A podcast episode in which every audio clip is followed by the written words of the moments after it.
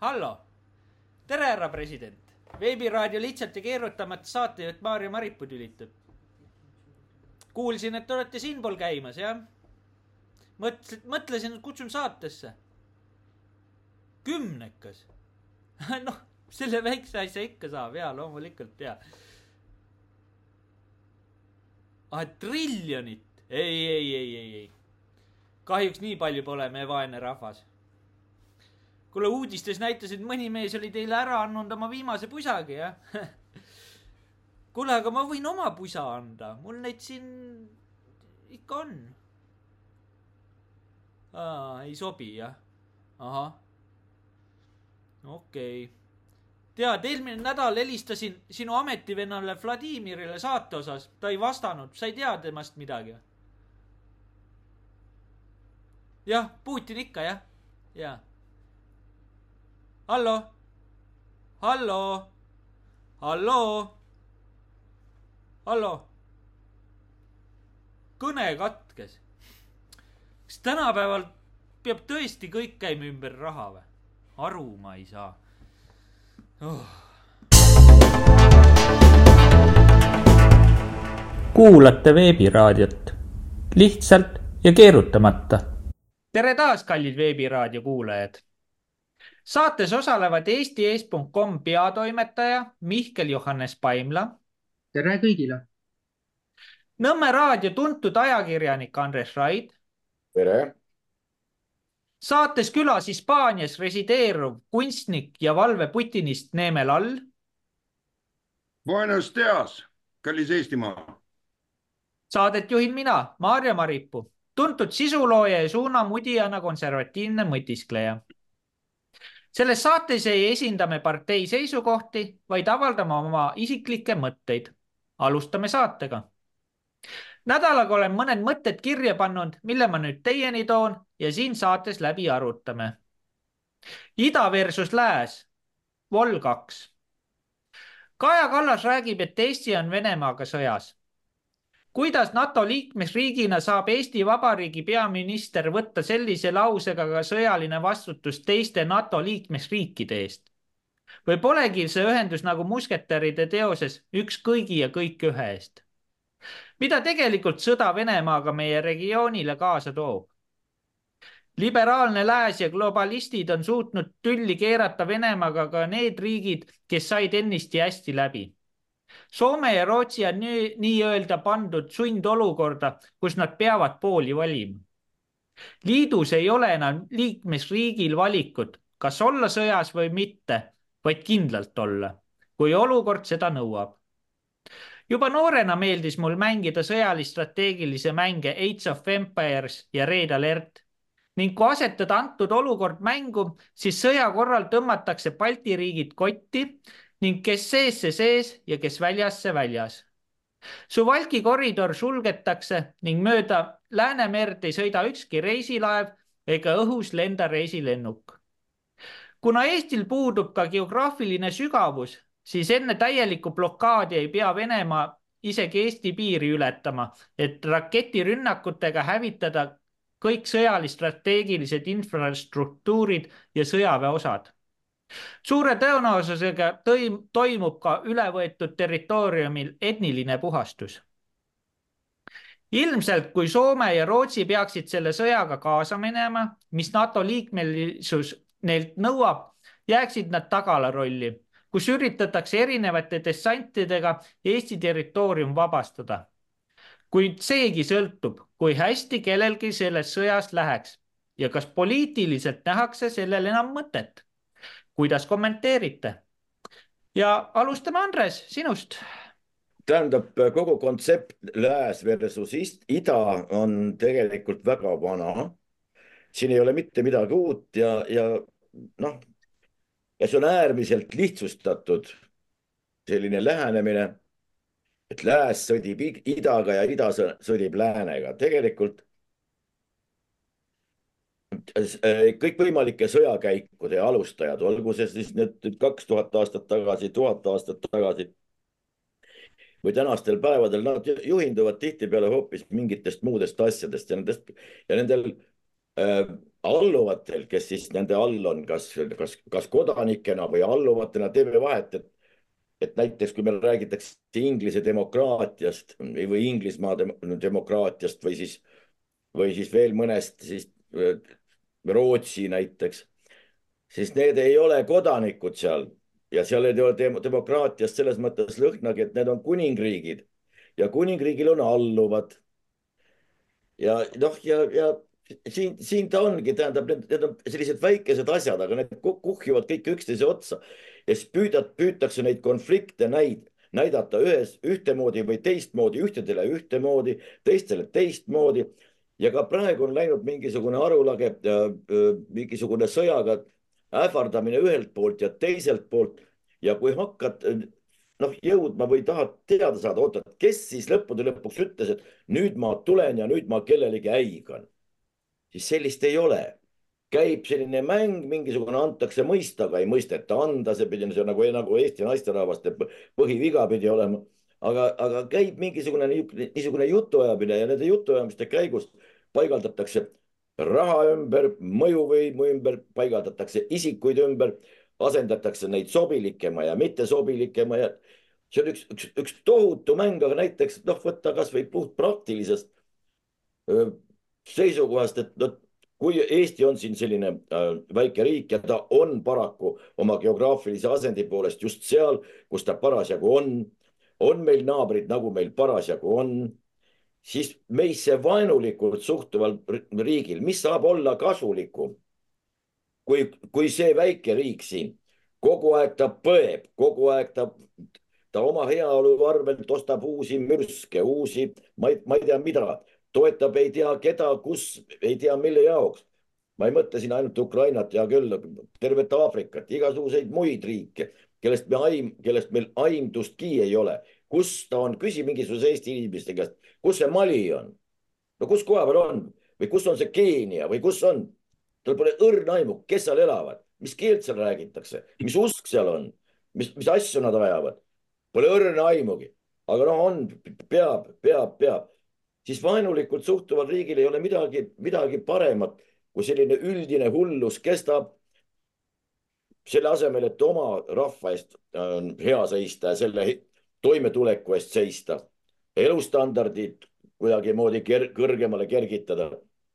ei, tehakse kõik selleks, et see oleks mingisugune killustatud ühiskond, et kogu aeg mingisugused sisepinged no meil ei, keegi ei tea, mis asjad need pinged on tegelikult sotsiaalsest faktor, fenomenist ei räägi Eesti puhul mitte keegi, siis on see tegelikult ju vesi meisse vaenulikult suhtuva seltskonna veskile. kui ka ja kui ka peaks puhkema mingisugune otsene tegevus, siis on need sisemised vastuolud siin nii teravaks aetud. kas see läheb siis ühtse rindena selle vaenlasele vastu või? no see on, see on küsimus.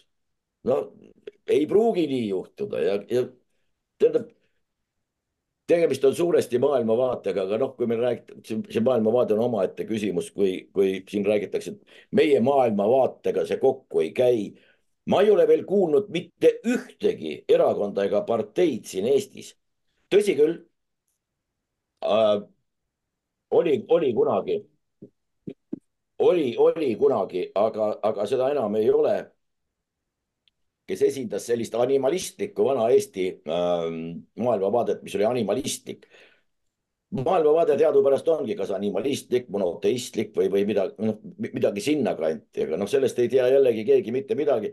räägitakse, et minu maailmavaade on null koma seitse protsenti, aga tal on maailmavaade mingist asjast üks koma kuus protsenti kallid sõbrad, see ei ole maailmavaade, see on mingisugune eelistuste küsimus, kui üks sööb putru, teine sööb suppi, siis on see maitse erinevus ja siin pole maailmavaatega mitte mingisugust pistmist. aga noh, segadus on suur ja, ja sellest ka suur, suured jamad, aga noh, midagi ei ole teha, päike tõuseb ikka idast ja loojub läände. täiesti, täiesti nõustun, Andres, sinuga äh,. Mihkel. Jah, aitäh, ma võtakski järje üle. mis nüüd puudutab siin äh, seda nii-öelda juhtide vahetumist, et äh, no lihtsalt väike kronoloogia, et äh, kaks tuhat kakskümmend kolm kevadel nüüd siin Elmar Vaher läks selle skandaali tõttu, mida ta tekitas oma nende kamraadide edutamisega ja neile täiendava pensionistaaži lisamisega, tekitas selle olukorra, kus tuli enneaegselt vahetada välja PPA juht, kelleks on täna Egert Belitšev ja nagu nüüd poole aastaga või natuke enamaga näeme, ta on nii-öelda oma, oma nende võimukandjate seas ja nüüd kaitsetahtest ja üldse sellest kaitseolukorrast rääkides, et meil seltsimees Herem, kes kõmmutab, et oi, meie lähme Peterburi alla, et meie saame kõik selle ära tehtud. nüüd nädalapäevad tagasi teatas, et tema nüüd lahkub kaitseväe juhataja kohalt selle aasta kolmekümnenda juuni järgselt. Et ja siis ütleb niimoodi, et uuel kaitseväe juhatajal jääks aega sõjaks valmistuda. et see kõne, kõne sellisel kujul tähendab, et talle anti kusagilt lääne kõrgematest ringkondadest aimu, et temasugused, no ütleme siis sõna otseses mõttes hüppajad ei saaks sellises olukorras üldse hakkama, et ta võib laiata siin, et et tema juhitud kaitsevägi on parem kui seesamune äh, Ott Tänaku ralliauto, aga vaadates faktidele otsa sellele, et kuidas äh, relvasid on kanditud äh, Ukrainasse ja mitmele poole mujalegi, siis äh, ma ütleksin, et pilt on tegelikult vastupidine. aga kui nüüd rääkida NATO-st üldse kollektiivsest tähendusest, siis on täiesti selge, et tänaseks päevaks NATO tähendus on moondunud millekski, noh, mida ei võib-olla ei saagi koheselt nagu sõnadesse panna, igatahes selle eesmärk ei ole küll see, et, et kaitsta ühte riiki kõikidega koos ja siis kõik seisavad selle riigi eest. see, kuidas Kaja Kallas laiab, et, et oi, me oleme sõjas ja kõike sellist, et minu meelest see kõlab niimoodi nagu, et hunt äh, justkui nagu ütleme, metsa taga passib, aga juba enne seda, kui hunt midagi teeb, siis karjub korduvalt hunt, hunt, hunt, aga hunti ennast silmapiiril ei ole ja siis, kui päriselt on hunt vaat siis enam keegi seda, noh, me, me teame seda laste muinasjuttu punavitsiks, siis keegi seda ei usu. aga praegu tahetaksegi selle peale mängida, et meil nagu Venemaaga on justkui sõda ja seda korrutatakse söögi alla, söögi peale, aga tegelikult, mis toimub, tegelikult toimub see, et lihtsalt käib sihikindel provotseerimine, et et siis ajupestud rahvas usukski, et me olemegi Venemaaga sõjas ja siis jõuame sinnani välja, et, et meil pole üldse millestki nagu noh, me peamegi alluma selle, mida meile valitsejad ütlevad meile. See on täiesti vale, et meie peame lähtuma ennekõike enda sisetunnetusest ja see, mis Soomesse ja Rootsisse veel puutub, siis et viimased kaks aastat seda nüüd aetud nii kaugele, et Soome, Rootsi nüüd äh, NATO-sse liitunud on ja kohe ka liituvad, et Rootsil on see asi veel praegu nii-öelda vist ootel, et Soome juba liitus kakskümmend kaks aastal. et äh, minu meelest see tähendab küll seda, et ühest küljest surutakse seda NATO ja Venemaa piiri veelgi rohkem üksteise vastu ja teiselt poolt selle Suwalkiga ei saa välistada jah, et võib-olla, et juba sel aastal püütakse siin mingisuguseid skeeme koostada, et äh, mina arvan, et see, kuidas praegu ühel teiselt poolelt öeldakse, et meil on vaja jalaväemiine piiri taha panna täna tuli värske uudis, et meil on vaja piiri äärde Eestisse kuussada punkrit, aga kel, kes sinna kuuesaja punkrisse saab minna?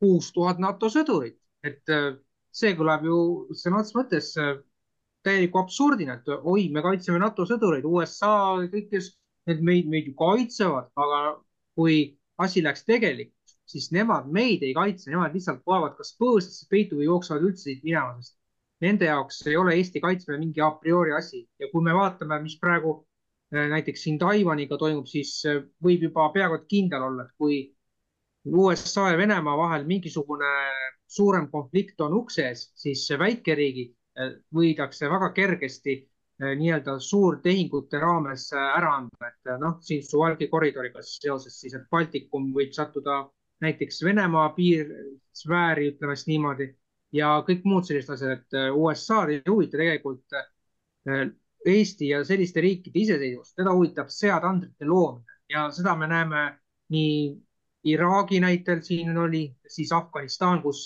USA kakskümmend üks suvel jättis selle maa lihtsalt maha ja paljud, kes seda aitasid, jäeti ka sõna otseses mõttes maha. Ja praegu Ukrainas toimuv ju viitab sellele, et mingil hetkel võidakse Ukraina ka sobingute ohvriks tuua ja siis pannakse seal digitaalne düstoopia püsti. aga see oleks minu poolt esialgu kõik, et, et annaks sõna edasi, aitäh. Ja selles suhtes ma võin öelda, et ma ise olen riigikaitse sektsioonis töötanud viis aastat kokku ja võin ka seda öelda, et kui mina olin riigikaitses, siis riigikaitse ja kaitsetahe baseerus üldse teiste, teistele alustele.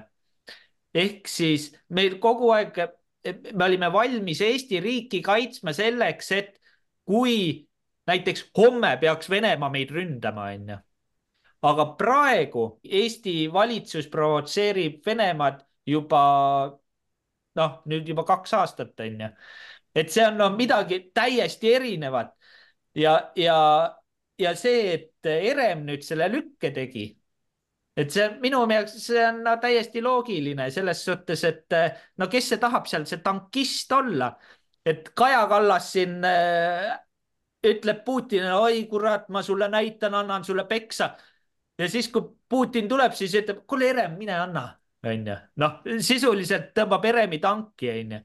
et ja ma olen täiesti veendunud, et see Herem võimalik, et jääbki viimaseks kaitseväe juhatajaks, sest tema koht, keegi ei ole nõus tema kohta üle võtma. no kes see tahab, see tankist olla, mitte keegi. Öeldakse, et, et järgmine kaitseväe juhataja tuleb nii-öelda tegevteenistusest on ju, mingi ajateenija pannakse sinna või? et eh, noh, keegi ei ole nõus seda tegema, sest eh, riik ise tõmbab omale sõja kaela, see ei ole see, et et, et nüüd keegi meile järsult kallale tuleb. ei, me ise ju kutsume selle sõja külla ja nüüd sõjaväelased peavad nüüd siis poliitikute nii-öelda nässu keeratud jama siis klaarima, saatma kümned ja kümned tuhanded Eesti mehed selle jura pärast sõtta ja surema. ja, ja kui venelane tuleb, siis see on sisuliselt see kaitseväe juhataja, see on täpselt nagu noh, Eesti on nagu see kamikaatse lennuk ja talle öeldakse, et mine nüüd sinna lennukisse ja, ja pommita vastu Venemaad ennast puruks. noh, see on täpselt sama, sama case. et äh, annaks siis äh, saate külalisele Neeme Lallile, mis Neeme arvab sellest kogu loost? no nii, tervitusi siit Hispaania poolelt. distantsilt on äh, teinekord oluliselt täpsemalt, selgemalt ja kainemalt võimal-, võimalik jälgida kõiki sündmusi, mis rullivad lahti terves maailmas. sest elu on nimelt elav protsess. elu ei ole äh, staatika, elu on dünaamika ja, ja see on nagu mäng, igavene mäng, milles me kõik osaleme äh, kes, kui palju sekundeid on antud või murdosa sekundeid, sest igaviku seisukohalt võetuna on loomulikult inimelu on nagu ainult üks välgusähvatus. siit distantsilt vaadates äh, paistavad need, kõik need olukorrad, eks nad paistavad samamoodi nagu kõik, kes me osaleme selles selles sõpruskonnas, kus me jagame mõtteid, kus me ei ole täiesti äh, nii-öelda copy paste, ei tee teineteisele aga telgjooneliselt oleme kõik ühel nõul, meid ühendab see, et meil on kallis äh, meie väike Eestikene ja nii nagu ta ongi, mida kaugemal sa temast oled, seda kallim ta tegelikult on. oled seal, siis äh, muutub see rutiinseks, sa näed lähedalt kõiki neid miinuseid. Selline kord on elu ähm, seaduspärasus. see äh, mida on ülevoolavalt, sa harjud sellega ära see, mida napib äh,, sinnapoole sa pürgid. sellepärast innustab tervet seda protsessi sellega kaasa elamaks ja, äh, ja nii-öelda otsimaks seletusi äh, ja võimalikke äh, perspektiive, reaalseid perspektiive, just eelkõige mure äh, meie väikese Isamaa pärast.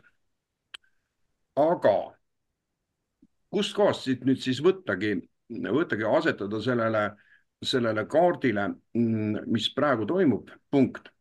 võib-olla võtaks, võtaks aluseks selle äh, omaaegse juba nõukogude ajal äh, päris, päris niisugune käibe, käibe lühianekdoodina kasutusel olnud mõte, et mis on Eesti tunnuslugu. Eesti tunnuslugu on see, täita Moskva käske preisi täpsusega.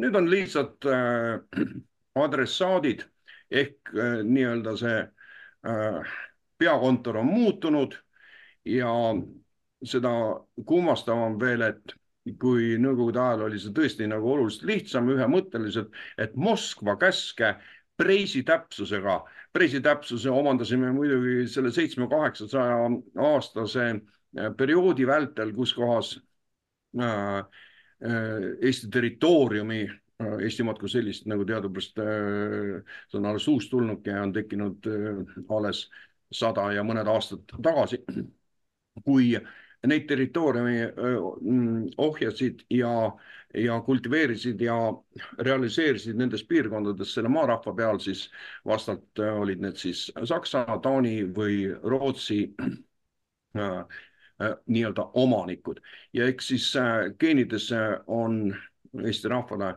see salvestunud, see preisi täpsus, Moskva käske preisi täpsusega.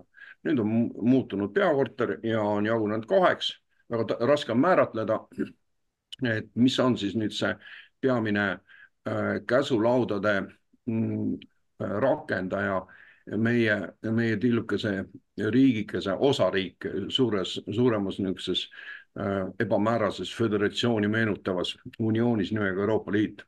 et äh, käsundusliin, kui suures osas Nad tulevad äh, Brüsselist Euroopa Parlamendi ja komitee ja nende, nende kahe vahel nii-öelda eostatud igasuguste ideede tulemine. kui palju lisandub sinna siis nüüd äh, NATO kui sõjalise äh, klubi, kus, kus siis genereeritakse täpselt samasuguseid ideid ja, ja, ja, ja pannakse maha mingeid trajektoore, mille selle klubi Äh, nii-öelda äh, käilakujuks on loomulikult äh, Ameerika Ühendriigid, et, et kust laekub siis, kumb on nüüd esmaseks täitmiseks Eesti sellele nukuvalitsusele, kas Kentmani, Kentmani tänava suurest hoonest nimega USA saatkond või siis vastavalt erinevate siis käsulaudadega ehk, ehk ehk direktiividega äh, Brüsselist, mille vahendajaks on, kui ma ei eksi, kas neid oli kakskümmend tuhat, kakskümmend tuhat inimest, kes on nii ehk naa seotud äh, äh, selle igapäevase elu koordineerimisega ametnike näol. Ebanormaalne arv. Ega seal vahet ei ole, kas neid on kümme tuhat või ma võin tõesti selle arvus eksida ja see ei ole üldse oluline. Nemad on siis selleks vahendajaks. Ja, ja nende taga olevad struktuurid ja nende taga olevad, et ähm, lõpparv vist oli, et Eestis ähm, äh, moodustab ametnike armee, kes on riigi leival nii-öelda, need on riigiametnikud, see suurusjärk ulatub peaaegu kahesaja tuhandeni. see on ebanormaalne. See, sellist, see on täielik pretsedentne olukord, seda ei ole teistes samamoodi nendes mm, analoogselt degradeeruvates riikides, nii et Eesti on siinkohas, on, on jälle nagu, nagu pjedestaalil aga tõesti kõnekas on tähele panna siis ikkagi päevasündmused, mitte ainult analüüsida nüüd kõiki neid, et millal siis päev kätte jõuab, see ihaldatud päev Äh, mida, äh, mis psühholoogiliselt muideks on ammu ära tõestatud, et suurte pingekollete keskel hakkab inimteadvuse ülekuumenemise tulemine, ta hakkab ootama, tulgu see siis juba kiiresti kätte. Ma ei oska, oska seda täpselt võib-olla formuleerida. selliste pingete all äh, mm, jõuab äh, inimhulkade Äh, teadusseisund sellisesse äh, kohta, kus kohas oodatakse, hakaku nüüd see rutem peale, ehk võiks öelda, et juba äh, sellest sõjahirm asendub sõjaihalusega. Need on, need on psühholoogilised efektid, mis on, mis on ära tõestatud, et see just ongi niimoodi ja vaatame siis nüüd lähedalt, et kes on, kes on siis nüüd meie need lähemad naabrid kellega meil on tegelikult põhjust rinda pista. ja häbematused vähe pühendatud, oleme pühendanud tähelepanu meie lõunanaabritele. See on, see on ääretult, ääretult põnev ja samas niisugune tragikoomiline, et käib juba mitme aasta lõikes tegelikult nähtamatu maavõistlus. Kumb siis vastavalt, vastavalt kas Läti või Eesti suudab oma mm, nii-öelda pugejalikkusega ja käsu täitmise ihalusega pälvida rohkem aplause isandate poolelt. Ja mm, peab ütlema, et Eesti on saanud nüüd viimase neljakümne kaheksa tunni jooksul jälle kõvad punktid kirja, sellepärast et Läti, kes on küll suutnud väga paljudes asjades Eestist üle mängida Äh, on nüüd, häbeneb lihtsalt, ütlen, punastab, eks ju, et nemad ei ole selleni jõudnud, et tuleks mm, suure kiriku, antud juhul ühe Eesti suurema konfessiooni kiriku pea, antud juhul siis mm, äh, Vene õigeusu Moskva patriarhaadi metropoliit äh, tuleks lihtsalt päevapealt tuleks kõrvaldada. Kirikujuht et eestlased on või Eesti Vabariik siis ja, ja, ja terve see seltskond, kes seal taga on, ega seal vahet ei ole, eks ju. Nad on, nad on, nad on kõik arvel ja nad saavad nagunii määratud, määratud ajal saavad kõik oma teenitud, teenitud palga Äh, nii et seal vahet ei ole, nad on kõik arvel, see ei ole meie asi otsustada, kas seal on kodanik see ja institutsioon see ja teine, kas seal on kaitsepolitsei, äh, need ametnikud või teised, kes niisuguseid asju otsustavad või valitsuses mingid institutsioonid, no mis seal vahet tegelikult on. Ähm, kuuendaks veebruariks peab Eestist lahkuma ähm, siis äh, Vene õigeusu kiriku juht, isa Jevgeni mina, kes ma ei ole õigeusklik, aga suhtun suure respektiga Vene õigeusku ja olen seda alati suhtunud. Ehm, ja ma suhtun üldiselt kõigisse uskudesse väga suure austusega, kaasa arvatud ka eh, islami kõikvõimalikud arvud, sellepärast et kui keegi kus iganes tunnistab ainujumalat, siis on minus küll piisavalt palju jumalakartust, et ma igaks juhuks ei hakka hinnanguid andma. ja Vene õigeusu Äh, kirikuga ei ole minul isiklikult äh, mingit äh, kana kitkuda ja üldiselt ei tea ma kedagi, kellel selleks oleks ka põhjust üldse olnud. ja väga märgiline on selle asja juures see, et see ähm, dateerub ähm, praegu isegi ajaliselt hästi ligilähedasse formaati sündmustega kahe tuhande üheksateistkümnendal aastal, eh, kui mm, Tartus äh, ootamatu äh, punaste terroristide kahtlematult need olid terroristid, ma teistmoodi neid ei nimeta, neid võib nimetada bolševikeks või mida iganes, tegemist oli terroristliku rühmitusega, kes üürikeseks ajaks ähm, võtab üle tegevvõimu Eestis selle mm, suure turbulatsiooni keskel, mis on siis nüüd esimese, esimese maailmasõja jooksul äh, tekib, kust äh, Saksa okupatsioon ja bolševistlikud kommunistlikke ideid kandvad mingid seltskonnad varieeruvad siis Eesti iseseisvuslaste ja, ja see on, tuntakse Vabadussõja nime all. üheksateistkümnenda aasta jaanuaris äh, lastakse maha Tartu ähm, selle äh, hoiupanga ähm, ruumides äh, mm, metropoliit Platon äh,, tolleaegne äh,, tolleaegne Eesti Õigeusu Kiriku metropoliit. Ja nüüd äh, see kuidagi nii hästi äh, sobitub äh, ajalookangas nende sündmustega, sest kõrvaldada kirikupea põhjenduseks tuues, et ta lihtsalt ei sobi.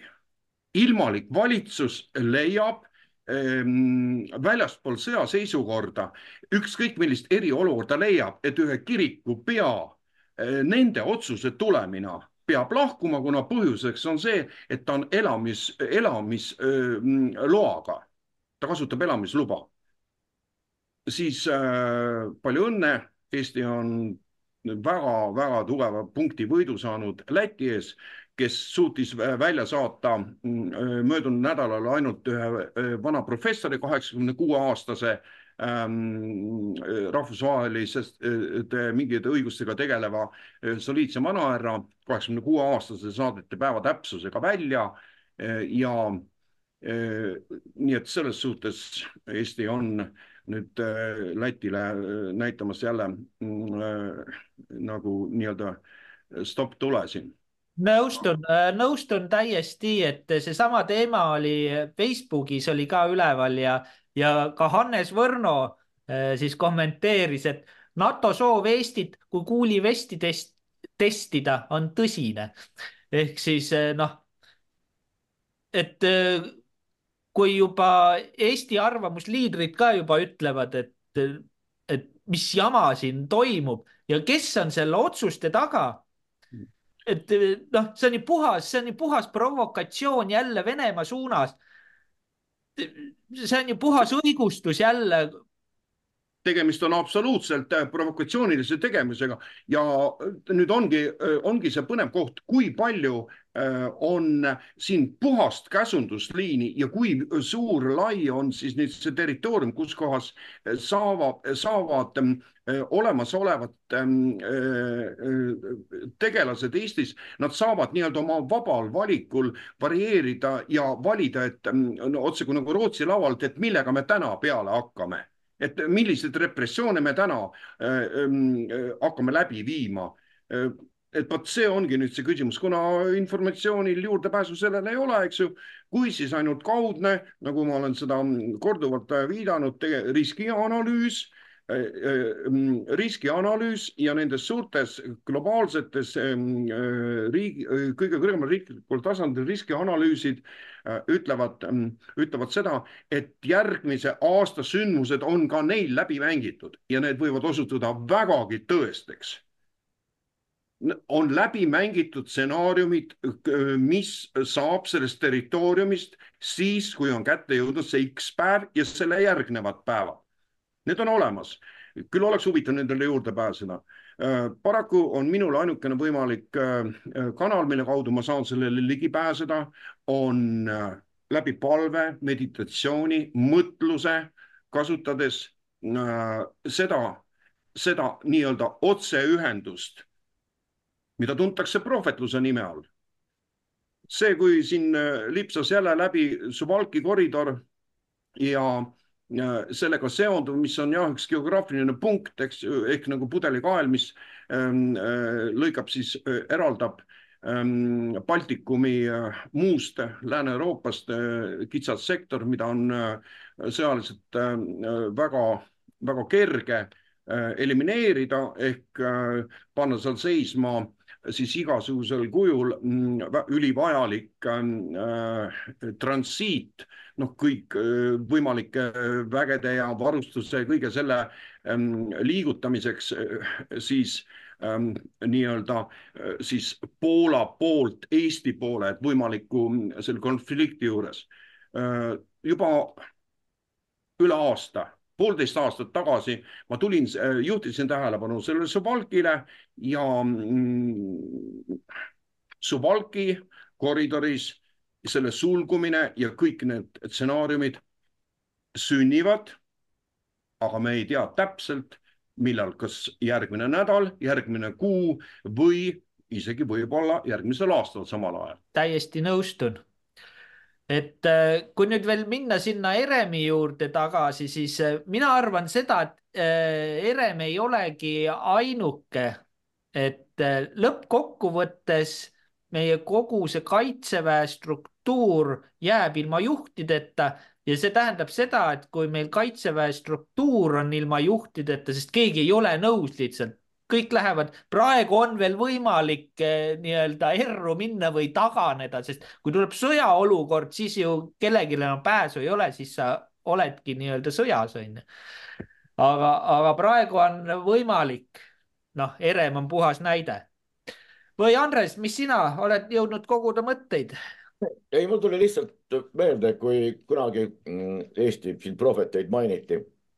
Karl Reits käis ümber Kadrioru lossi ja karjus, et sõda tuleb, sõda tuleb. Konstantin Päts, muide õigeusklik. Äh, Laidoner oli ka muide õigeusklik. Äh, kui Päts käskis äh, Reitsi kutsuda sisse, sööta tal tuntud ka paljasalgse Tõnissoni nime all toideti tal kõht täis, pandi teemoona kaasa ka veel ja jutud sõjast lõppesid, lõppesidki ära, enam, enam seda juttu kuulda ei olnud. tõsi küll, sõda tuli hiljem. ja, ja mis siis juhtus, noh, Eesti sõjavägi oli tol ajal väga heas korras. valmis tegutsema. ohvitserkond oli kodus, kodudes, kes kasarmus, kes kodus ja kes oli kodus, see oli täisvarustuses, gaasimaskid, kõik relvad, kõik, kõik, kõik olid kodus. ja küsimus oli ainult, millal vastu hakatakse. mis juhtus? anti in corpore täies koosseisus, anti alla. ja siis juhtus veel üks asi, millest praegu eriti ei räägita, noh, kuidagi imetlik. vannuti ka truudust täies koosseisus uuele ülemusele, uuele ülemjuhatajale, kes oli loomulikult üks vuntsidega onkel, asus siit tuhande ühesaja kilomeetri kaugusel Kremlis. niisugune lugu juhtus. ainuke, mida tol ajal noh, Vene nende sõjaväelaste memuaarides on, on kirjas. mul ei tule selle admirali mm, nimi meelde, kes kes need kirja pani ütles, et ainukene teada oli, et sõjavägi annab alla, kokkulepped olid sõlmitud. aga mida ei teatud ja mida ei osatud oodata, see oli Kaitseliit. Need võivad vastu hakata. see mm., need ei, need, need ei, need ei käi sõjaväe käsu, käsuliini, otsese käsuliini alla. saanud nendele otsest käsku anda. nii et seda kardeti ja see on muidugi ka mille pärast hävituspataljoni vennad äärmiselt jõhkralt ka kaitseliitlastega, kes kätte saadi, nendega käituti äärmiselt, äärmiselt metsikult ja vastikult. aga noh, nende järeltulijad siiamaani võtavad sõna ja õpetavad elama ja ka tänasel päeval. et noh, ma ei tea, kuidas, kuidas sellesse suhtuda. inimene, kes neid asju teab muidugi võtab seda asja väga suure eelarvamuse ja väga pika hambaga, teisele teistmoodi.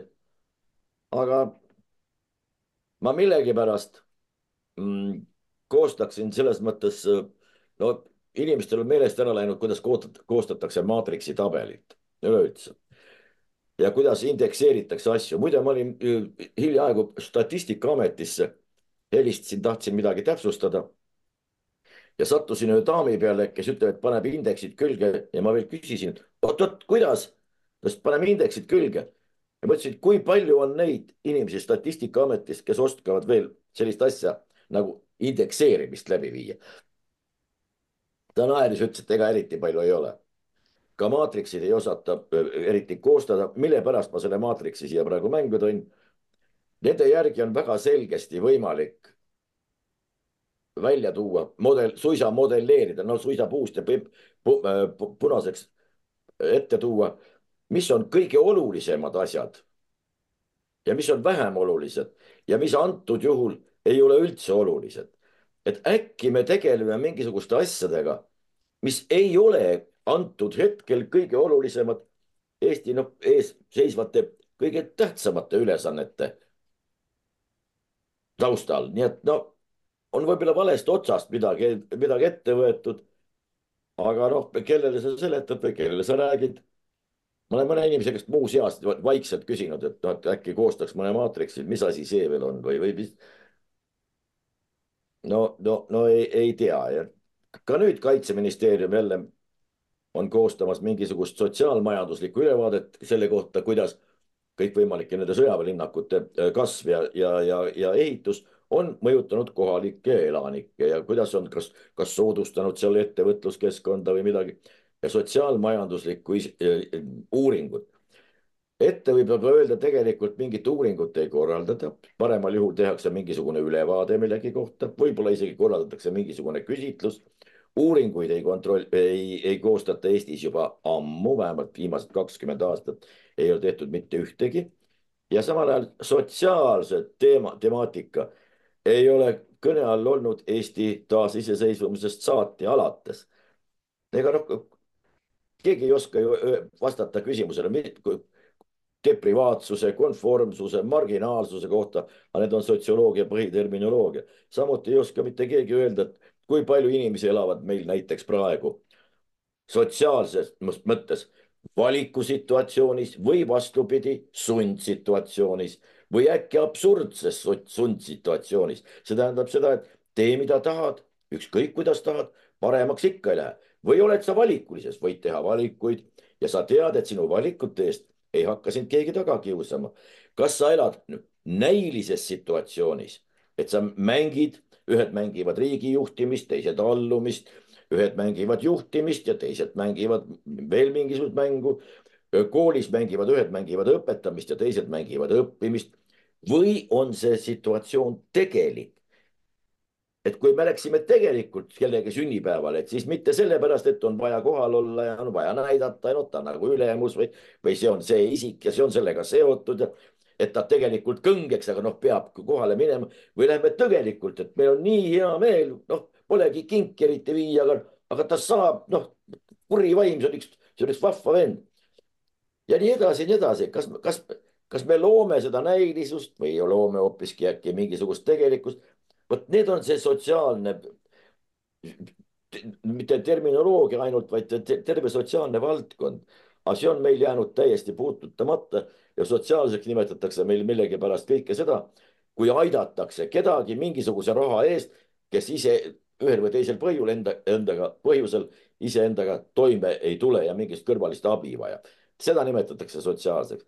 see on, see on, see on täielik rumalus ja tänu sellele ei ole võimalik ka koostada nagu Šveigil oli, et noh, et missugune on ühiskonna vaimsus või missugune on tema, missugused on meeleolud või ka, ka siin on, kui koostatakse mingisuguseid küsitlusi, üks on verbaalne käitumine.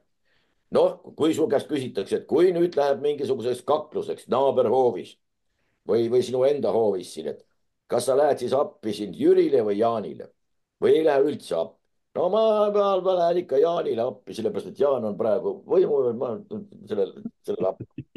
tegelik, tegelik käitumine on hoopis midagi muud, kui see situatsioon peaks kätte tulema, et ongi, hoovis on kaklus, Jaan kakleb, Jüri kakleb, peaks mingi seisukoha võtma või laseb, tähendab, mulle tundub, et ma ei näinudki, et mingi kaklus käib.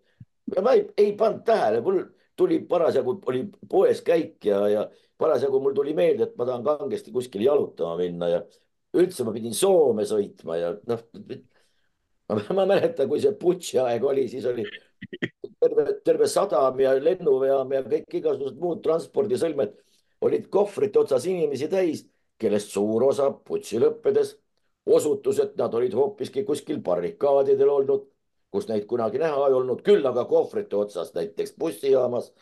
noh, see on nüüd isiklik kogemus, aga mm. nii, nii, nii, nii ta on, et nii et ei, ei puudu, ei puut-, ei pruugi kuidagimoodi need käitumised kokku joosta ja, ja ja kui nagu ema Theresa ütles kunagi, kui sa kogu aeg kedagi vihkad, siis sul armastamiseks aega ei jää. ja kui sa tegeled kogu aeg mingisuguse kartmisega, siis sul millegi muuks ka nagu, nagu ülesehitustööks ka noh, või teeks midagi no, no mille poolest erineb, erineb sõjaväeinsener tsiviilinsenerist, üks teeb teisele märklaudu. noh, aga selline ehitamine oleks oluliselt konstruktiivsem tegevus. jah, ja tõepoolest, kui on olukord ja kui on vaja, siis tulebki nagu üks mees ja, ja kurat, öelda nagu põrgupõhja Jürka, lähme eest ära. no ei lähe, kui karu metsast välja ilmus. Heit muidugi ütles, et lähme eest ära no ei lähe. ja läkski selle karuga võitlema ja sai võitu, no vot, aga siin on see hoiakute küsimus ja vot siin on see konformsus ja deprivaatsus ja need hakkavad kõik mängima. aga küsi kellegi käest seal sotsiaalkomisjonist. muide me, meie komisjonide kohta. tähendab, ma lihtsalt ütlen, tase on, on meil milline ja, ja selle, selle põhjalt nüüd mingisuguse, mul kell lööb praegu võib-olla. Äh, ehmatab natukene, aga ei, see on lihtsalt seinakell, see ei ole kellelegi. Ega millegi muu puhul, kui kell on lihtsalt seitse saanud. Et, et me lugesime alles hiljaaegu, kui juhtus selline piinlik lugu, et Anger ja maimud, mis olid Prantsusmaalt toodud ja kalli raha eest ja mõeldud siia lahti veekogudesse lahti laskmiseks ja siis mingisugused käpardid asja kallal, kes ei olnud teadlikud, kuidas seda asja peab läbi viima ja kuidas neid asju korraldatakse. tänu nendele hukkus terve hulk Anger ja Maive, terve rahahunnik, lisaks veel loomulikult sellele kahjule lendas vastu taevast. ja kuidas siis reageeriti asjale? Ma ütlen kohe, ma, ma tsiteerin, ma võtan teise masina lahti ja ma ütlen siis, et mis, mismoodi reageeriti. tähendab, lugu oli selles, Anger ja Maimud Prantsusmaalt toodud, hukk, hukka läinud, rahad vastu taevast. nii, keskkonnakomisjoni juht, kelleks on Igor Taro. muide, Igor Taro on selles mõttes huvitav vend. ma ei tea, ta on nii, nii kole selle vene asja vastane, aga ta, tema kodukeel oli ju vene keel ju.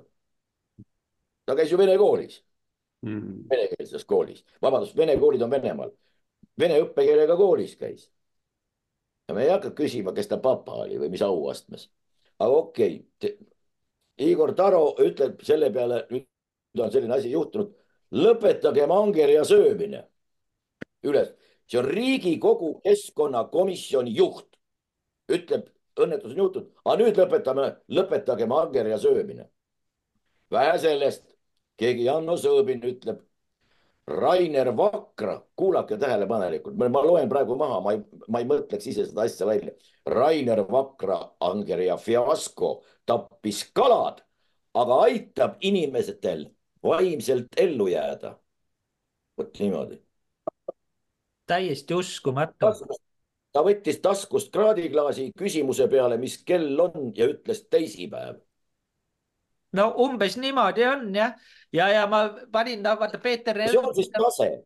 no just Peeter Ernits tõmbas ju teema üles ja, ja Vakra oli ju ise seal juures, on ju, kui neid angerjaid lasti ja pärast, kui noh, hakati teda süüdistama, et kuidas sa tapad, teed massimõrva siin, siis Rainer Vakra tegi järgmise lükke, et ega mina ei ole milleski süüdi, et hoopis need kalamehed on süüdi, onju, kuigi ise oli seal kõrval, onju, kui neid tapeti no.. Rainer Vakra hiigel, hiigelhetk oli see, ma ei tea, mitmes, miks, mitmeks sajandiks ta salastas VEB Fondi uurimise tulemused ja inimestel jäid ikka rahad välja maksmata, nii et palju õnne. no aga ta pidi, noh, ta, ta pidi mingi koha selle, selle tegevuse eest ju saama loomulikult. no just. et noh, ma, ma selles suhtes, et kui noh, selle teise jutu juurde tagasi minna, et, et see, mida sa, Andres, rääkisid, ongi see, mis koolides on, õpetatakse nii-öelda õpitud abitust inimesed õpivadki nagu abituks, et nad ei saagi enam mitte millegagi hakkama ja, ja sealt edasi see kulmineerubki see, et miks mehed muutuvad naiselikumaks ja tänapäeval. ja vastupidi. Ja, ja me ja naised mehelikumaks jah, aga samas kui me oleme Vene piiri ääres, me ei saa sihukest ideoloogiat endale lubada, sest Venemaa ju seda ei nii-öelda ei praktiseeri ja meie muutume oma ühiskonnaga nõrgemaks. ei no kui ta sealt tuleb, siis laed äppi alla väikse raha eest ja, ja läinud ta ongi. no just. Et ja, ja sõtta meil ei ole ju ei ole ju saata selles suhtes, et jaa, okei okay,, tehnika, no kõik mängivad nagu nii-öelda tehnika peale, et oi, et meil on nii palju tanke ja meil on nii palju lennukeid, onju. aga kui neid lennukeid ja tanke juhivad nii-öelda mitte peast, noh, normaalsed inimesed, vaid peast juba lihtsaks tehtud inimesed ja, ja see tehnika, ütleme, hävineb ja nad peavad minema nii-öelda kaevikusse ja, ja, ja kaitsepositsioonid omale panema, siis ega ma arvan, et nad võib-olla nädal aega peavad seal vastu ja siis nad juba viskavad püssi nurka ja ütlevad, et kurat, mul näonahk äh, juba kestendab ja mul on vaja küüsi värvida, et aitab küll sellest pullist. no nüüd on see Prantsusmaa puhul ju eriti aktuaalne, sellepärast et Prantsusmaa valitsuses on toimunud suured muudatused endine abielupaar mehed üks on saanud peaministriks ja teine välisministriks. Noh, aga nad lahutasid enne neid ametikohti saades, lahutasid ära. Mõlemad meesterahvad ja, ja siis no, see jookseb nüüd meie jutuga kokku. teise, teisest maailmasõjast on see nali prantslaste kohta, et kui prantslastel oli üks selline ka noh, LGBT väeosa, ütleme siis oli kuskil rindel ja ja siis Tentsik tuli ja ütles, et härra kapten, kuulge, sakslane tuleb vägisi, ronib kaela. ja siis kapten tõmbas parasjagu kara, karikakrast lehekesi välja, ütles, kas ilusaid ka on, ma lähen kohe vaatan, vaatas käärpast. ei ole ilusaid, nad on kõik koledad. no siis tuld tähendab, see on see, mis, mis tegelikult võib vastu vaadata, aga noh, seal tuleks hoopis teistmoodi käituda, hoopis resoluutsemalt, ma kujutan ette, aga noh, kellele sa seda räägid või noh, ja arvamusi on loomulikult erinevaid ja eks, eks meil ole selleks spetsiaalselt koolitatud inimesi, kes neid asju peaksid korraldama ja kel peaks selle kohta ülevaade olema. Ja teine teema on nüüd äh, see, et kuna Eesti äh, ütleme niisugused noormehed ja enamus on kõik, on ju tulnud Soome, Soome tööle ära ja ütleme nii, et kui nüüd peaks sõjaks minema, ega siis näiteks noh, nagu minagi, läheb, Eesti on sõjaks, Eestis läheb sõjaks Venemaaga, ega mina ja need ülejäänud sada tuhat noormeest ei saa enam üle, üle Läänemere. ja siis me jäämegi nii-öelda Soome poisteks siia Soome Vabariiki kaitsma, sest Eesti Vabariiki me ei saa ju üle mere, siis me läheme paatidega appi, aga noh, see on sisuliselt on see ju enesetapp, on ju. sest reisilaevad ju ei, ei, ei sõida sõja ajal. ja samamoodi lennukid ei lenda. Mihkel, oled sa jõudnud ähm, mõtteid koguda?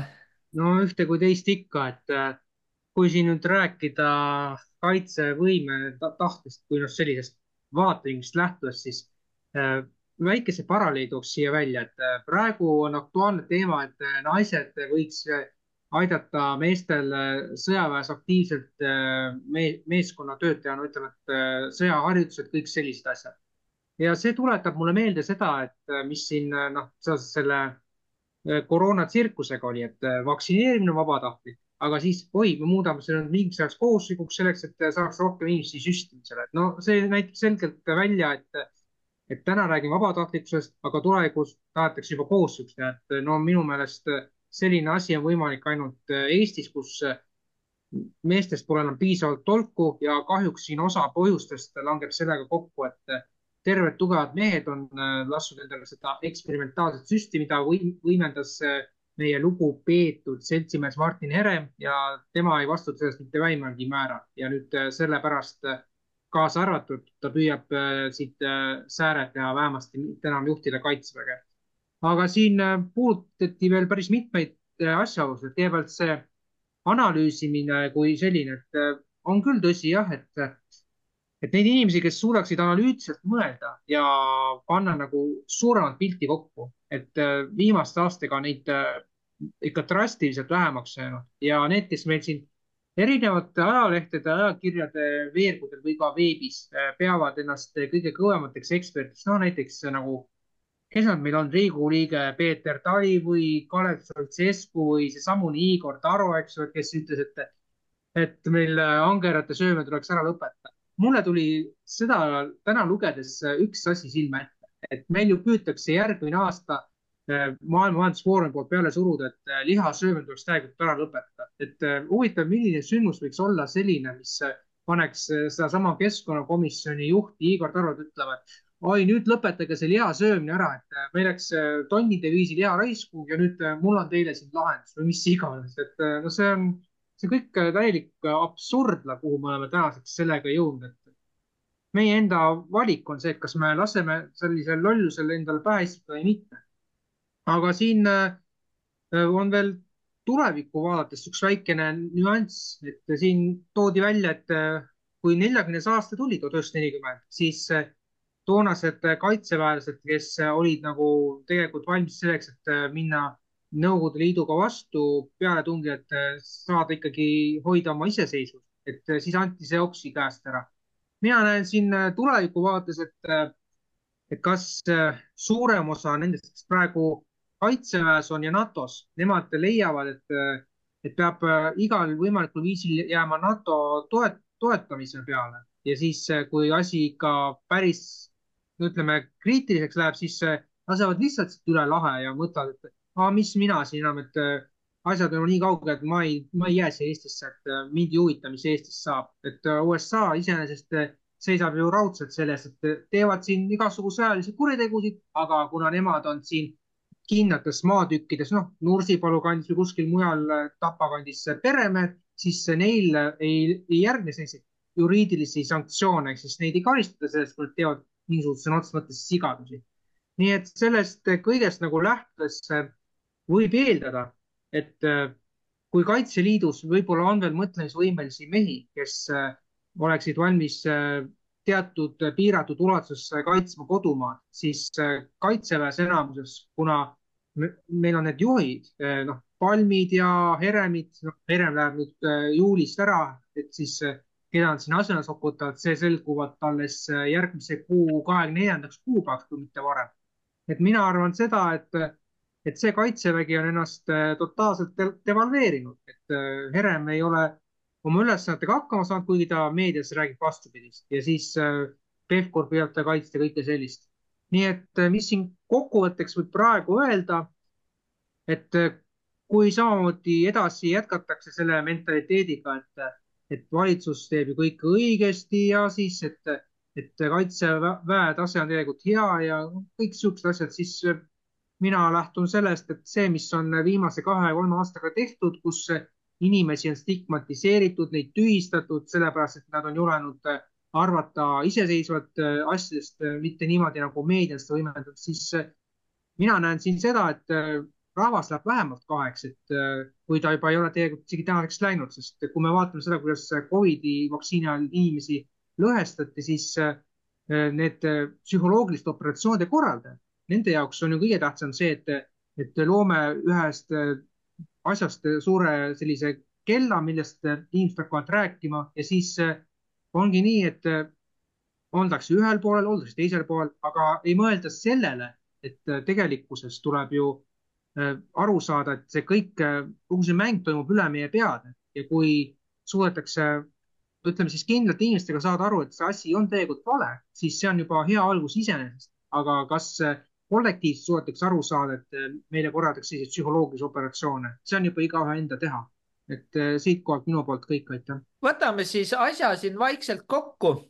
et äh, Neeme, et mis sul oleks Eesti rahvale edasi anda niisugust olulist soovitused? Nonii, laseks korraks sellel Zoomil siiski natukene liikuda, sest äh, kaeldamatult äh, kõik me elame kaasa äh, teineteise mõtetele, seostele, liigume mööda, mööda siis kaasvestleja tekstuure ja aga ma laseks Zoomi korraks, laseks äh, nii-öelda lahti, vaataksime ikkagi selle tervikpildi äh, tervikuna üle. et hästi-hästi Eesti-keskne, no täiesti arusaadaval põhjusel me kõik oleme jumalast disainitud eelkõige enesekeskseks, ma kordan seda alati kiiresti üle. järgmiseks oma sisering, siis oma sõpruskond ja, ja siis meie tillukene rahvas, eks. sellises, sellisel kujul on nagu otse kui nagu sibula, sibulalaadne mudel on, on üles äh, ehitatud inim, äh, inimkonna ja nende omavahelised suhted. ma laseks suumi nüüd suureks et vaatame, mis, mis sünnib tegelikult tervikuna sellel tänase peateema egiidi all lääs versus ida või ida versus lääs valged jõud, äh, pimed, äh, pimeduse jõud ehk siis valged malendid, tume, äh, mustad malendid ja nii edasi ja kõike seda. Pole põhjust anda tõesti hinnangut pole põhjust toetuda ka mingisugustel kujul ähm, nendele kõigile tuntud niisugustele asjadele, et valged alustavad ja valged võidavad, eks ju, sest sellisel mm, kujul nagu, nagu valged jõud, sellele pretendeerivad praeguse seisuga mõlemad pooled tegelikult ja ei ole kedagi äh, läbi aegade mitte kunagi olnud äh, maailma ajaloos, kes tuleks välja, ütleks äh, kas mingi ülivõimas persoon, väejuht, president, kuningas, keiser tuleks välja, ma esindan pimeduse jõudusid. mina olengi kurjus. sellist asja ei ole, kõik esindavad valgust kõige parimate plaanidega, mida nad esitavad siis vastavalt oma auditooriumile, oma rahvastele ja oma, oma toetajaskonnale. mis sünnib selles suures pildis? suur pilt on, koosneb tõsiasjadest, kus kohas kõike seda suurt konfrontatsiooni, mis on ülemaailmne nüüd hõlmab ta absoluutselt kõiki kontinente, tervet inimkonda. On sektorid, mis on võib-olla tõesti praegu nagu passiivsemates olukordades ja nemad ei olegi praegu kaardil. no lihtsalt ma toon näiteks, kas keegi on midagi kuulnud Mongooliast? halloo, kas üldse Mongoolia veel enam eksisteerib, mida seal süüakse, keda seal süüakse, mis ja nii edasi ja nii edasi fookuses on see, kus, kas on, kuhu objektiiv on suunatud ja see näitab seda, et näitab seda, et peatselt on oodata tõesti, tõesti suuri muutusi, sest me saame dateerida terve selle aktiivse protsessi alguseks aastat kaks tuhat kakskümmend algusest ja nüüd oleme me aasta kahe tuhande kahekümne neljanda alguses ehk kolm aastat on täis. ja nüüd järgneva poole aasta sündmused igaüks võib selle salvestada või lasta selle eh, nii-öelda kui lihtsalt eh, minu mingisugusest tsitaadi kõrvust mööda ja unustada selle määratud aja möödudes, aga võib ka endale salvestada. kolm pool aastat on ülisensitiivne periood, kuna see hõlmab nüüd tervet inimkonda, kolm pool aastat. stopper on käima läinud, me oleme jaanuari alguses ja kokkuvõtteid me saame teha pärast jaanipäeva. sellesse aegühikusse, mida me nüüd kõik läbime, mahub väga palju diametraalselt võimsaid, ülivõimsaid nihkeid, ülivõimsaid sündmusi, suuri muutusi ja need on nüüd selles aegdiapasoonis tänasest päevast kuni umbes täpselt siis jaanipäeva järgsele perioodile muutuvad olukorrad uskumatult ja ettearvamatult. aga nii nagu ma ennist viitasin, et pooli pole mõtet valida. aga siiski kõik esindavad ähm,, esindavad enda poolt, isegi kui nad seda ei tunnista täiesti arusaadavalt näen mina seda oma lähtepunktist, oma rakursist, oma vaate äh, prisma kaudu ja, ja annan hinnanguid ja see pool ehk see polarisatsioon, mille poolele äh, mina isiklikult kaldun koos oma abikaasaga ja meil on mõttekaaslasi piisavalt palju. Äh, teame seda, et need äh, olukorrad kujunevad selliseks, kus kohas me võime rahuldustundega öelda, me nägime seda ette. nii et nihked toimuvad, kuhu nende suurte nihete, selle kahe võimsa laama nih-, nihete vahel meie tillukene Eesti mahub. sellepärast me, vennad, räägimegi nendest asjadest, sest terve talupojamõistus ütleb seda, et on asju, mida me saame muuta. Neid on päris vähe.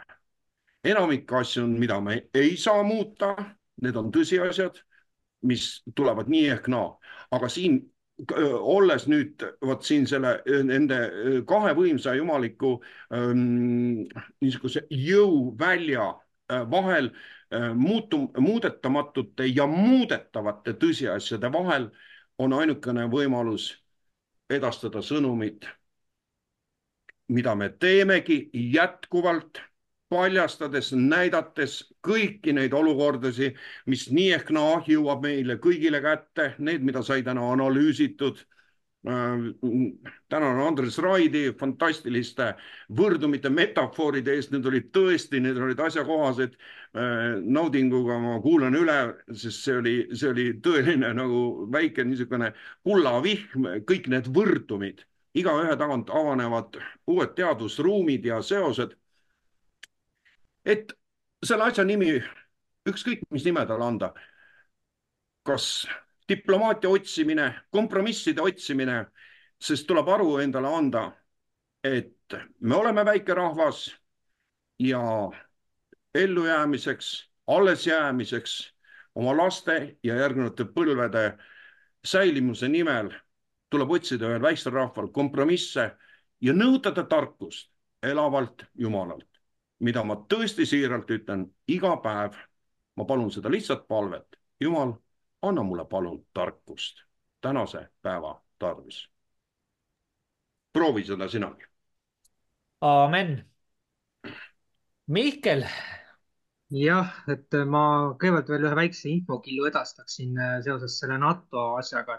Nii palju, kui nüüd lugeda saadud, noh, kes siin iganes välismeediat sirvinud, alates järgmisest nädalast kuni mai lõpuni on NATO suurõppused tulemas äh, jällegi Venemaa vastu, nii et see kõnetab seda, et meil äh, ikka noh, püütakse läbi nende õppuste, nagu meil olid Covid-19 pandeemia õppused, püütakse nagu mingi aja jooksul äh, praktikast minna reaalsusse, aga noh, eks siin ole näha, kuidas me selles üsna e-, eriti sensitiivses ajas toime tuleme.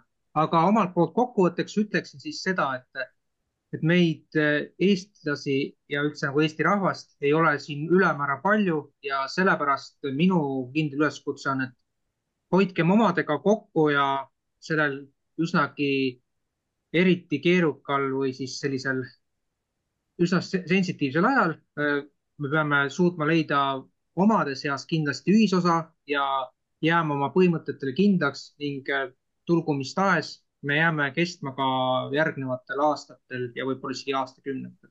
et see oleks minu sõnum rahvale. aastatuhandeteks. noh, seda muidugi. ja Andres jah, äh, mainiti kompromissi. vaata nende kompromissidega on üks, üks, üks keeruline lugu, loomulikult tegelikult head kompromissid, need viivad asja edasi, aga vot on üks valdkond või üks niisugune koht, kus kompromissi ei tehta ja see on vot moraali arvelt. kompromisse ei tehta. kui eesmärk on püha, siis tehakse koostööd kasvõi vanakuradi endaga ja kui eesmärk on si sigadus, vaat siis ei tehta inglikooriga ka mitte. amen. selles mõttes, et äh, no kui me kahekesi oleme kuskil ja siis sõber ütleb, et lähme teeme naabri korteri tühjaks. ja sina ütled, et ei lähe, ei, ei tee tühjaks, siis mis kompromiss on, et lähme küll, aga teeme pooltühjaks või? no ei, ei saa, on, on teatavaid kohti, kus kompromissid päris korda ei lähe, nii et, et ärme igal pool kompromissi ka tee. just ja mina lõpetuseks kutsukski üles äh, nii-öelda valitsusjuhte diplomaatiale, sest diplomaatia on kõige alus. Ja ka me, me peame, me peame lõpuks ka Venemaaga diplomaatia peale minema, sest vastasel juhul, kui sealt tulevad juba nii-öelda jõulised käigud, siis me ei saa ennem diplomaatiat äh, luua, kui need temapoolsed käigud on tehtud. Ja see tähendab Eesti jaoks musta maad ja, ja that's it. aga selge, võtame siis selle tõsise teema siin siis ilusti, võtan kokku, et endiselt ootan kirju inimestelt, keda liita kogukonnapõhise sotsiaalmeedia platvormiga info et mõtiskleja.ee. portaalis on juba hetkel kaksteist tuhat aktiivset kasutajat. samuti eesti.com ootab sisuloojaid kontakt at eesti.com. MTÜ Konservatiivne Eesti ootab kõnesid toetustelefonile üheksa tuhat üheksa üheksa üheksa, kõne hinnaks kümme eurot võitluseks e-valimiste vastu. veebiraadio tegevust saab toetada rahalise panusega konservatiivne mõtiskleja OÜ kontole EE üheksa kaks seitse seitse null null seitse seitse üks null null kuus kaheksa kolm viis kuus viis null selgitusega annetus. aitäh, kallid sõbrad, et meid kuulasite. järgmine kord taas teiega, siis juba uute teemadega saade kuulet-, kuulatav Kagu ja Nõmme raadios ning Youtube'i kanalis Konservatiivne motiskleja. kindlasti külastage ka meie Patreoni fännilehte patreon.com kaldkriips veebiraadio. kõike head ja nägemist. nägemist. Kuulasite veebiraadiot? Külastage kindlasti ka meie uudisteportaali www.eesti eest.com